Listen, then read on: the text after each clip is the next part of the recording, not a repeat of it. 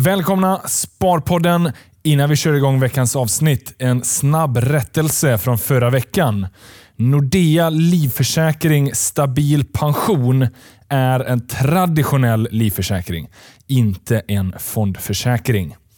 Nu över till intervju med Ratos VD Jonas Wiström. Varmt välkommen till Sparpodden, din podcast om privatekonomi och börsens fantastiska värld. Varje onsdag ett nytt avsnitt. Häng med, för nu kör vi igång. Denna vecka hälsar jag välkommen till Jonas Wiström.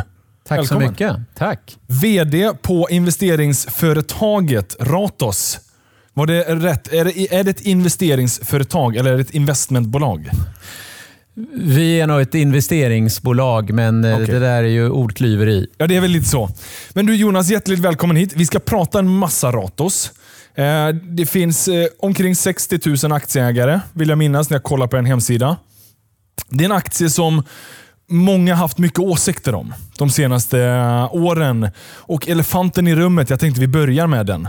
Aktiekursutvecklingen har ju inte varit till belåtenhet. Vart står bolaget idag och vad gör man för att förbättra det här? Nej, det stämmer. Eh, Ratos har ju haft en eh, negativ utveckling av aktien sedan 2011. Ja. Så det är ju många år nu och den har ju fortsatt även sedan jag tillträdde som VD. Vad beror det på? Eh, det är ju det är alltid liksom eh, lätt att kommentera historien. Eh, men, men den analys som eh, vi själva har gjort, det är väl att eh, eh VD ska inte uttala sig om börskurser, men, men det är klart att eh, Ratos hade en väldigt hög värdering 2011 efter några extremt framgångsrika år. Så att eh, investmentbolag brukar normalt ha en rabatt. Eh, Det var premie under lång tid. och, och en väldigt, väldigt hög premie och då överdriver jag inte. Eh, så att det, det är väl klart att det kanske är en förklaring. Den är ju ingenting som vi kan påverka. Det, det som väl eh, är en annan del av analysen det är ju att eh, många av våra fina innehav inte längre är med oss och flera av de här innehaven som vi har sålt har ett större värde idag än hela Ratos portfölj. Och, och Då kan man fråga sig varför har vi inte kvar de bolagen? Eh, och eh, Ratos, så får man gå tillbaka. Alltså Ratos har ju haft många eh, eh, många typer av verksamheter genom åren.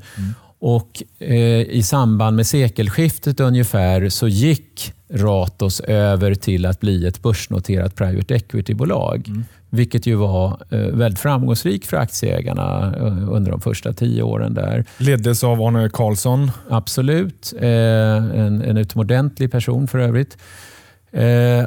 Och när man använder en private equity-modell, det bygger ju på att man skuldsätter bolagen för att få större hävstång i sina exits och kunna investera i flera bolag med mindre kapital.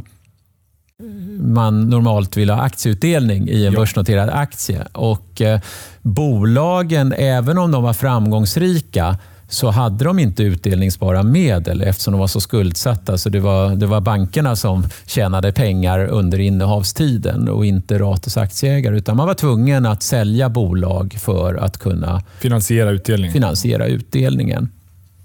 Och eh, eh, Det finns ju aldrig något som är bara bra eller bara dåligt. Men det här är ju en förklaring till att eh, man har sålt väldigt många fina bolag och investerat i nyare.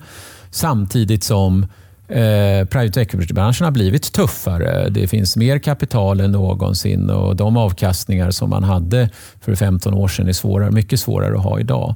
Så hög värdering, eh, sålt de fina bolagen om man ska generalisera. Just det. Eh, och Det tredje är väl att jag tror att i dagsläget att tjäna pengar inom private equity, det handlar inte om financial engineering. Det handlar om gedigen bolagsutveckling. Mm. Och Jag tror att Ratos det, det har haft eh, kanske eh, lite för lite av det eh, och för mycket av strategier och financial engineering. Och Det gör att vi idag i, i dagens klimat har en annan uppsättning av organisationen och ett annat fokus. Fler folk med operativ erfarenhet som vet vad det i praktiken innebär att ta ut OPEX, att höja bruttomarginaler, att tillsätta rätt VD och alla de här sakerna. Det finns mycket som jag vill bita i där. Ja. Dels den här financial engineering. Det var ju lite Arne Carlssons modell, den här svarta lådan. Och Med hjälp av belåning så kunde man få upp värderingarna. Säger du att det är något form av strategiskifte man har gjort i Ratos nu? då? Ja, absolut är det Ja. så. Eh, vi resonerar så här att vi ska utgå ifrån Ratos styrkepositioner. Eh, en sån styrkeposition det är att vi har aktieägarnas pengar att investera. Eh, det är ingen fond. Det är, det är aktieägarnas egna pengar. Vi behöver alltså inte förhålla oss till att en fond ska avslutas. Vi kan äga ett bolag så länge vi vill. Och, och eh, Det ska vi ta fasta på. Eh, Det innebär till exempel att vi behöver inte vara så rädda för bolag som är mer cykliska. Eh, Jag tror att eh, Vi, vi pratar längre ägande. längre ägarhorisont. Man kan säga så här att strategin nu är att vi ska ta det bästa från private equity och det bästa från de långa, långa innehaven. va.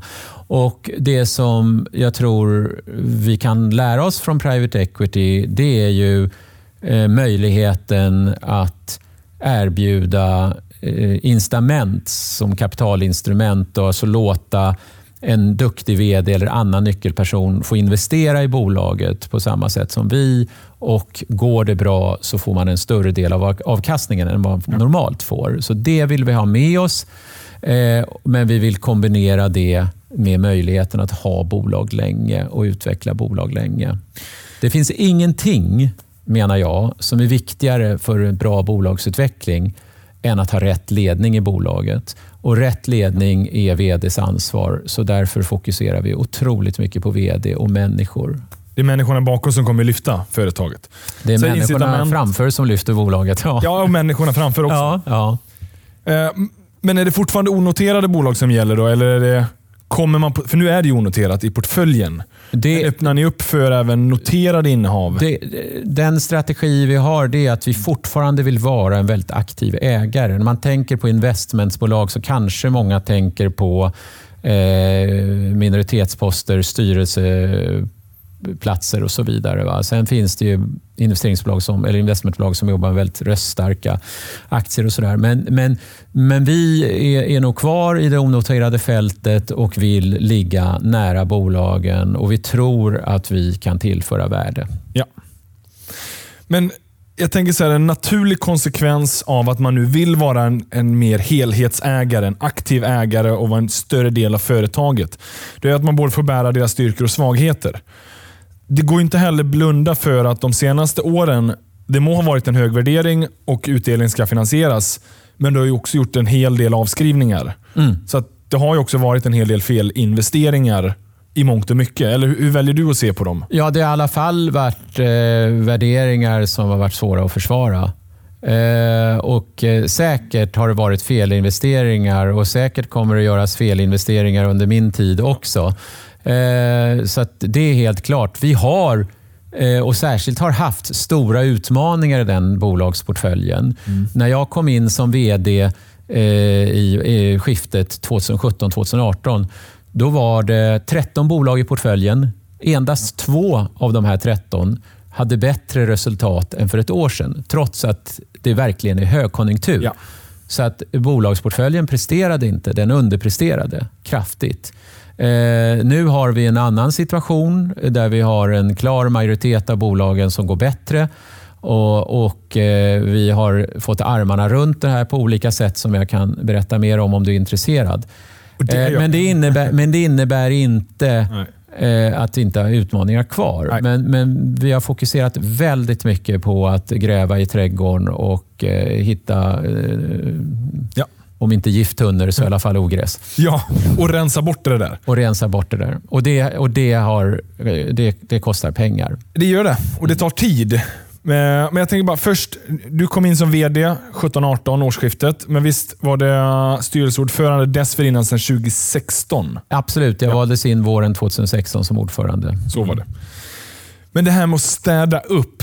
Mm. Eh, min uppfattning, jag är själv ingen aktieägare i Ratos, men min uppfattning är att, eller jag, och jag har faktiskt varit aktieägare tidigare, men har inte, är inte längre aktieägare för att jag, jag har fått den här känslan av att det ska städas och det städas. Mm. Men när har ni städat klart? Mm. När jag tillträdde då sa jag att det kommer att ta tre år att vända det här. Ja. Nu har det ju gått mer än halva tiden. Eh, jag tycker vi håller vår tidplan bra. Jag är till och med lite, lite positiv faktiskt. Ja.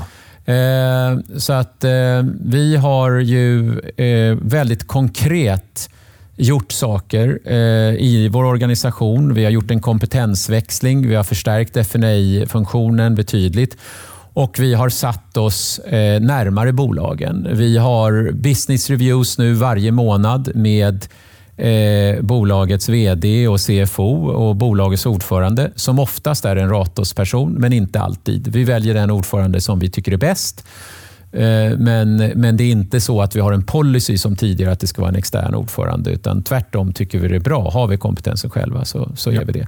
Vi har delat in oss i, i, i tre affärsområden. och eh, som, och, och, där vi tillsätter ledare för de här affärsområdena som själva har erfarenhet från branschen. Mm. Eh, Peter Wallin som har många, många år som Skanska, från Skanska i företagsledningen, bland annat som CFO. Han ansvarar för construction services. Anders Slättegren som har en lång bakgrund i retail från Unilever och Microsoft kanske inte retail, men han har varit eh, 13 år i i, i eh, Axel Johnson-koncernen och ansvarat för deras, eh, varit VD för deras investeringsbolag som var mycket retail i åtta år. Eh, och jag själv håller i industrisegmentet. Jag har varit tio år i svensk industri och också i utländsk. Eh, så att, och Visst är det de tre segmenten som är själva kärnportföljen? Det constructions, consumer och industri. Det är den portföljen vi har idag. Ja. Eh, jag tror... Eh, alltså, men ni begränsar inte er till det? utan... Vi kanske inte ska in i nya sektorer, men, men, men eh, vi har ganska många bolag idag. Vi har ganska många små bolag. Mm. Eh, vi är nu i en fas att vända den underliggande lönsamheten i de här bolagen. Vi har kommit ganska långt. Och När vi känner att vi är igenom den fasen, då är Ratos redo för strukturgrepp. Ja. Eh, att eh, ha en annan portföljsammansättning mm. eh, och också förmodligen en annan skuldsättning. utan nu är det en workout-process här där vi ska så att säga få ordning inom citationstecken på de här bolagen. samtidigt försöka att bygga ett förtroende hos aktiemarknaden. Att, att vi kallar en spade för en spade och en sten för en sten. och De här frågorna hör ihop. Ja. Och när, när, när vi är framme här så, så, så kommer ju Ratos-portföljen såklart att förändras. Ja, verkligen. Men du säger många bolag. Hur många bolag mer specifikt är i portföljen? Det är 12 idag. 12 idag ja. Eh, vi har sålt eh, sen jag tillträdde två innehav. Götull i Norge eh, och Gudrun Sjödén där vi hade ett, en, en, ett, ett mindre innehav. Men i, i de här segmenten som i, i dagsläget är Eh, är verksamma inom. Eh, Constructions då, om man tänker, där har väl hänt den största innehavet. Eh, och jag tänker så här, sent i en konjunkturscykel, Constructions, bygg, bygg och byggservicebolag. Mm. Är det, hur jobbar ni med den typen av utmaningar? För det är ju större, bredare penseldrag än man själv kan påverka. Ja, men utan att liksom, man ska dra för långa slutsatser så tycker jag att Byggbolag, cykliska, det är typiskt ett sånt bolag som vi skulle kunna äga. Ja. Eh, som private equity kanske normalt inte gillar, därför att vi kan ha en längre horisont. Mm. Hent har ju eh, varit en investering som man nog får säga eh, ändå har varit en lyckad investering Eh, aktieägarna har ju fått tillbaka pengarna från den, eh, hela investeringen eh, redan tidigare. Bolaget har växt kraftigt, mm. har som en del andra bolag eh, i den samma sektor, trots högkonjunktur, råkat in med fått projektnedskrivningar. Ja. Eh, I övrigt har bolaget en nettokassa och eh, är ett ganska stort bolag. Så att, Jag vill minnas det är fokus på offentlig bygg... det, är, det är fokus på kommersiella, Kommersiella, fastigheter, så att det är inte Inte bostäder. Nej. Men det är sjukhus, det är huvudkontor, eh, Ja. hotell, eh, den typen. Inte, inte bara offentlig. Men, Nej. men i Sverige jobbar man, ja det är inte offentlig, men eh, vi har Kulturhuset i Skellefteå och Ersta sjukhus. Och så. Ah, okay, ja. Mm. Sen måste jag fråga också, plantagen.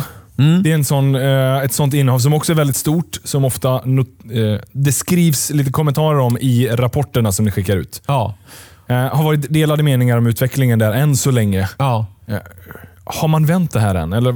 Plan, plantagen, verkligen. Eh, det är ett bolag där vi också har skrivit ner eh, under min eh, tid eh, stora belopp.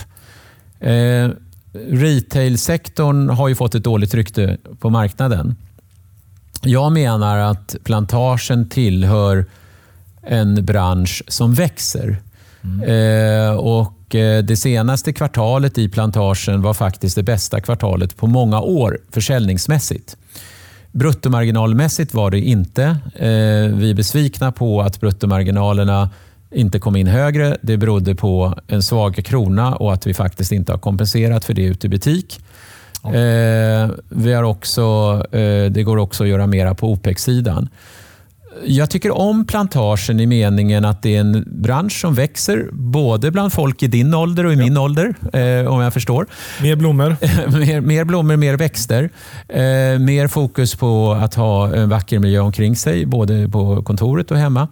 Men, men det är en bra bransch. Det är en klar etta i sin bransch. Och Jag tycker att Ratos bolag ska vara etta eller tvåa i dem, eh, hur man nu definierar sin branschgeografi. Bolaget eh, är dock skuldsatt, kraftigt skuldsatt eh, och eh, är stort och har mycket lokaler, mycket hyreslokaler. Så att det finns en del strukturella problem i plantagen som vi måste lösa. Och vi har nu en ny VD som kommer in här den 1 oktober. Eh, Vi har ju bytt VD i många av våra bolag och eh, det har eh, så här långt varit en framgång. Och jag har stora förväntningar på, på den nya VDn i, i plantagen som har ett starkt track record att vända bolag och också stå för ett väldigt decentraliserat ledarskap eh, som jag tror att plantagen behöver. Och jag tänker så här, mycket av kritiken mot just retailbranschen är ju den omställning till e-handels, Ja, e-handel kort och gott. ja. Hänger man med där? Finns det en e-handel för... Nej, jag tycker plantagen Ja. ligger efter Ja. där och det kan jag säga eftersom det vet jag att de tycker själva. Okej, ja. Och Det är en av, av, av de investeringarna som man nu gör. Mm. Eh, och Vi har idag e-handel i de tre stora städerna. Det har eh, börjat bra, men det är fortfarande inte alls utvecklat. Eh, tjänster är inte heller fullt utvecklat. Det finns ju otroligt mycket kunskap i plantagen. Massor med trädgårdsmästare med trädgårdsmästarutbildning. Och, eh, och, eh, men det är få som vill bära hem en jordsäck och lassa den i bagageluckan. Och, och, och Många av våra kunder lever i innerstan. och Så, där. så att e-handel är otroligt viktigt för plantagen och det är, det är kostnader som vi måste ta. här, en prenumerationstjänst på få hem lite blommor veckovis, månadsvis. Någonting sånt. Det är en idé jag får ta med mig. Det får du göra. Vi har en eh, väldigt aktiv kundklubb som Ja. fungerar bra. Men, eh, mm. Jag tänker, det är många som ställer om till den typen av affärsmodeller. Nu Ja. kan ni bolaget betydligt bättre än vad Ja, jag. Men, men jag tror att vi ska vara väldigt ödmjuka. Inte minst eh, en sån som jag. Eh, jag behöver bara titta på mina söner och hur deras handlingsmönster och sådär. Så att eh, e-handel, tjänster, det du talar om, prenumerationer. Att jag tänker själv att man skulle vilja under vintertid när det är väldigt få som besöker plantagenbutikerna, då kanske man vill att någon ska komma hem och tipsa hur man kan fixa balkong, eh, balkongen eller trädgården eller sånt, någon med kunskap. Det tror jag det finns stor efterfrågan för. Det, det är åtminstone det, det är en förbättring då som är på gång. Det är en ny vd på plats snart. Första oktober. Eh, första oktober. Jag tänker ytterligare ett innehav som jag är lite nyfiken på att höra om. Eh, Aibel, Mm. oljeservicebolaget. Mm. Det Det, det, får man ju någonstans säga. Det var ju svårt att veta att oljepriset skulle gå ner så kraftigt. Det var det. Det, det var väldigt få som kunde prognostisera det, men det skedde och det drog ju med sig portföljvärdet ganska mycket. Verkligen. Dels har det varit lite intressant att höra om Aibel och bolagets utmaningar, men också så här, hur undviker man dem? Eller kan man ens det? Eller är det bara vanlig riskspridning som gäller även för er? När jag, började, när jag kom in i styrelsen på Ratos så handlade Ratos väldigt mycket om Aibel. Eh, och jag sa då att eh, jag hade själv kunnat köpt Aibel då. Så att jag tycker det, liksom, det är lätt att sitta efteråt och tycka. Jag var på statsbesök i Norge, Nordnorge precis innan eh, Ratos och köpte Aibel och där var det ju fantastiska framtidsprognoser för norsk sockel och inte minst Barents hav och, och allting. Och sen ändrade det sig. Det kunde man inte förutse. Eh, och, och, hur den är så har Ratos eh, egentligen bara 33 procent av, ja. eller 32 procent av bolaget. Men visst var det eh, kring 2012-2013 ja. man investerade ja. och sen följde oljepriset kraftigt 2015? Absolut. På den tiden behövdes det 12 000 nya ingenjörer i, i, no, i, i Norge enligt Statoils VD. Eh, Aibel är ett eh, av våra finaste innehav. Eh, det är ett mycket välskött bolag. Eh, och De har också hanterat den här eh, krisen som bolag. För, för, för Ratos var det stora förluster i meningen att i just nedskrivningar att bolaget.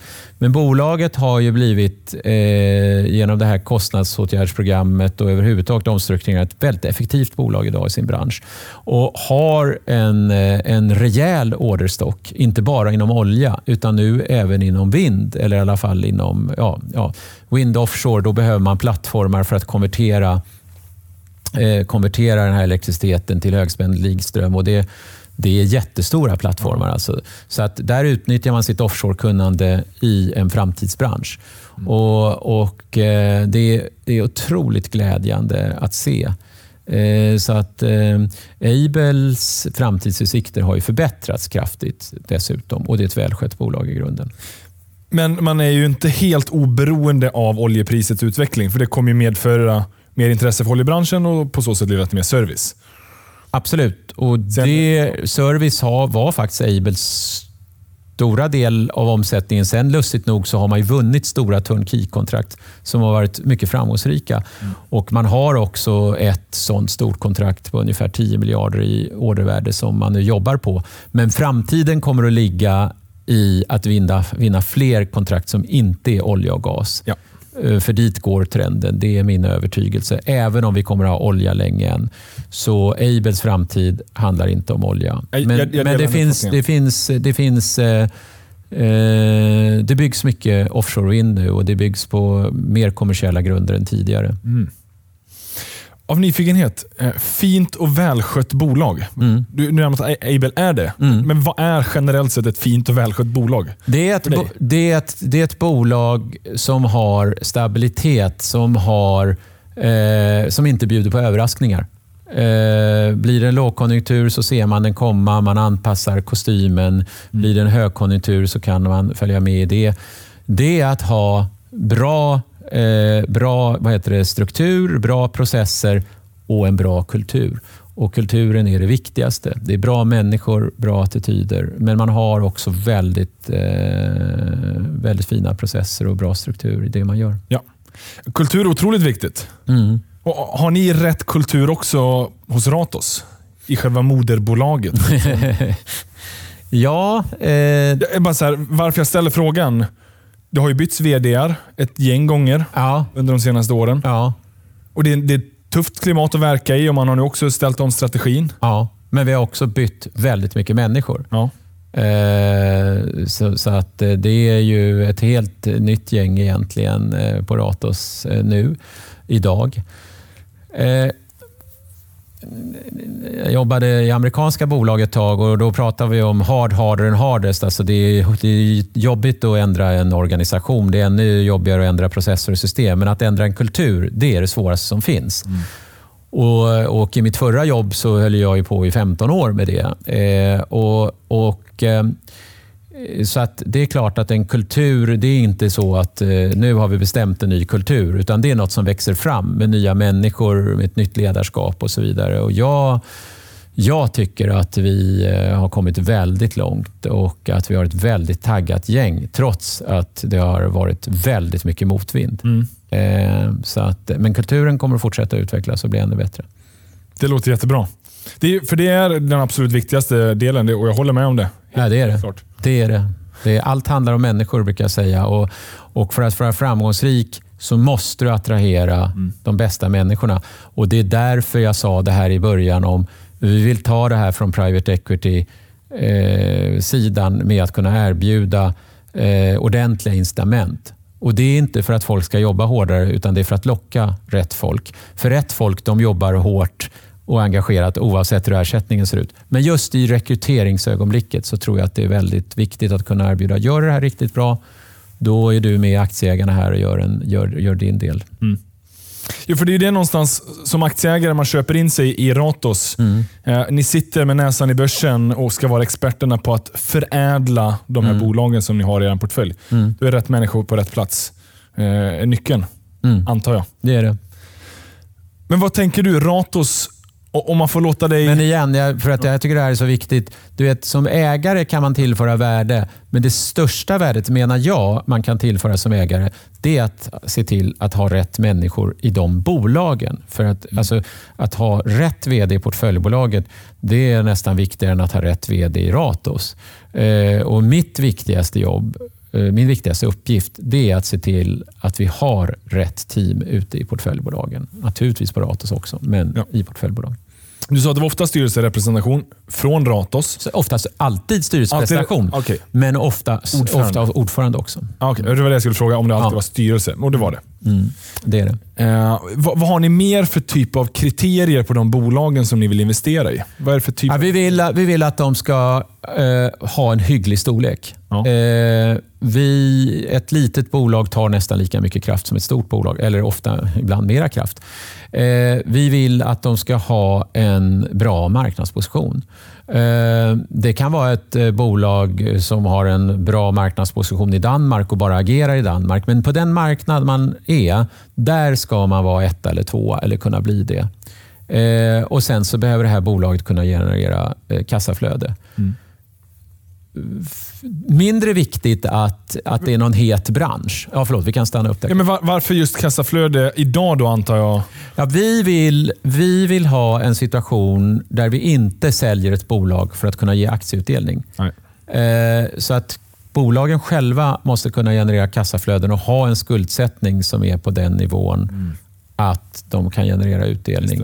Idag har vi bara ett par bolag som egentligen kan generera utdelning och de ska bli flera. Okej. Och sen skulle du säga, eh, nordiska bolag är det ni utgår ifrån? Vi, vi utgår ifrån bolag som har hu huvudkontor i Norden och det är en strategi som eh, jag tror man har haft länge. Mm. Jag tycker att det är en bra strategi. Eh, Jag tror, vi har ju mycket internationella bolag, alltså Diab, och Ledil och HL och sådär, har tillverkning i Kina och säljer över hela världen. Men, men huvudkontoret är i, i Norden. Det handlar om människor. Det är svårare liksom att utöva inflytande på andra sidan jorden, Ja. på huvudkontoret. Mm. Vi är inte tillräckligt stora för det. Och, och det, man får ju välja där man är duktigast. Ja. Ja. Och jag, och jag, jag, tänker också Ratos, det är 150 år gammalt bolag. Ja. Det har funnits under en otroligt lång tid. ja. Eh, hur, hur känns det att få bära vidare det arvet? Jo, men det är ju fantastisk ära. Ja. Och, och, eh, det var ju också det som lockade mig att gå in i styrelsen i, i Ratos. För jag hade på den tiden inga, inga andra styrelseuppdrag än, vad ska vi säga, eh, samhällsuppdrag. Jag var vice ordförande fortfarande i Business Sweden. Då var jag eh, vice ordförande också i arbetsgivarorganisationen för de stora industriföretagen, teknikföretagen. Jag satt i IVA och sådär. Så jag, men, men när Ratos kom, eh, och särskilt i den situation de befann sig i, att de hade haft några riktigt tuffa år, så, så Ratos är ju ett det började med att säga 60 000 aktieägare, nästan en folkaktie. Vi har stora stämmor, eh, lång historia, en väldigt stark ägarbild, väldigt tydliga ägare eh, som nu också sitter i styrelsen och, och eh, sitter som ordförande.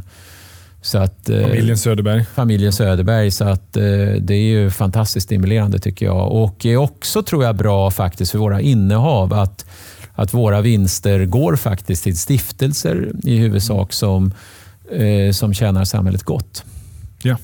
Och man har varit med och, och bidragit till både Handelshögskolan och Absolut. annan typ av Gör utbildning. fortfarande. Och gör fortfarande. Ja, ja. Och, och eh, till forskning Ja. eh, inom eh, medicin och rättsvetenskap och annat. Jag, tänkte nästan ställt frågan, eh, vad, tror du Ratos är om 150 år fram i tiden? Men, men det är nog alldeles för uh, omöjligt att... Det är lite lång prognos för mig. Ja. Eh, prognoser är lättare att göra efteråt. Men vad, vad, så här, vad ser du att Ratos ska framåt i tiden åtminstone? I närtid? Nej, Vilka är de stora penseldragen som Ratos Stora penseldragen nu, det är att eh, liksom ha den här positiva lönsamhetstrenden fastlagd. Inte i ett kvartal utan i ett par kvartal. Skapa förtroende på aktiemarknaden. Att eh, eh, skaffa oss en portfölj som som eh, kanske är lite mindre men kanske eh, är mindre skuldsatt eh, och som kan generera utdelningar och börja jobba med att de bolagen vi har eh, jag säger inte att vi inte kommer förvärva nya bolag, men, men de bolagen vi har har också möjlighet att växa genom strukturaffärer, genom synergistiska affärer där man kan skapa väldigt mycket värde. Ehm, så att vi ska vara den här ägaren där de bästa vdarna vill jobba och på så sätt kommer vi att skapa aktieägarvärde i ett Ratos som växer och inte som krymper. Ja. En bra vision. Jag eh, notera, eh, skuldsättning är en viktig del. Du, Mm. ni har, du har nämnt det några gånger att det ska vara en rimlig skuldsättning. Jag vet ju också att ni har ändrat er målbild. Tidigare har ni prognos, eller, eh, gett uttryck om hur, vilken typ av skuldsättning Ratos ska ha. Mm. Men gör ju inte det längre. De- Dels för att ni inte vet vilken, eller kan inte exakt kontrollera underliggande skuldsättning. Nej, det är väl vår nya CFO därför att Ratos är egentligen inte skuldsatt alls. Eh, för Ratos, bolagens lån står på sina egna ben.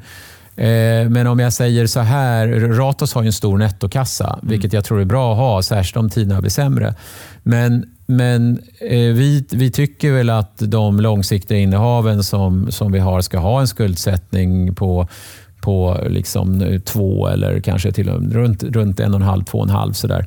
Eh, så att man kan generera ut, utdelning men också kan eh, satsa på organisk tillväxt och också kunna finansiera förvärv med egna kassaflöden. Ja. Jag bara tänker så här, vi är i ett lågränteläge, kommer säkerligen förbli det under en lång tid framöver. Ja, Lån är generellt sett ganska billigt, men, Ja. men hellre den säkra sidan för den osäkra och minimera skuldsättning.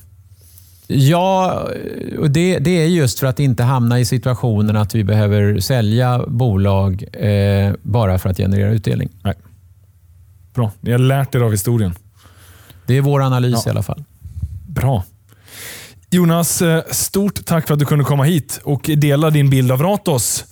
Eh, Det är ett otroligt spännande bolag. Det är ett stort bolag. Lite av en folkaktie som du säger. 60 000 ägare. Och eh, Så får vi ju helt enkelt följa upp det här och se halvvägs igenom din resa att städa upp det här. Jag kommer med noggrannhet fortsätta följa det och, och lyssnar in nyfiket när ni publicerar nya rapporter. Tack för att jag fick komma hit. Ja, tack så mycket. Tack. Och eh, tack till er som har lyssnat. Vi hörs igen nästa vecka. Tackar.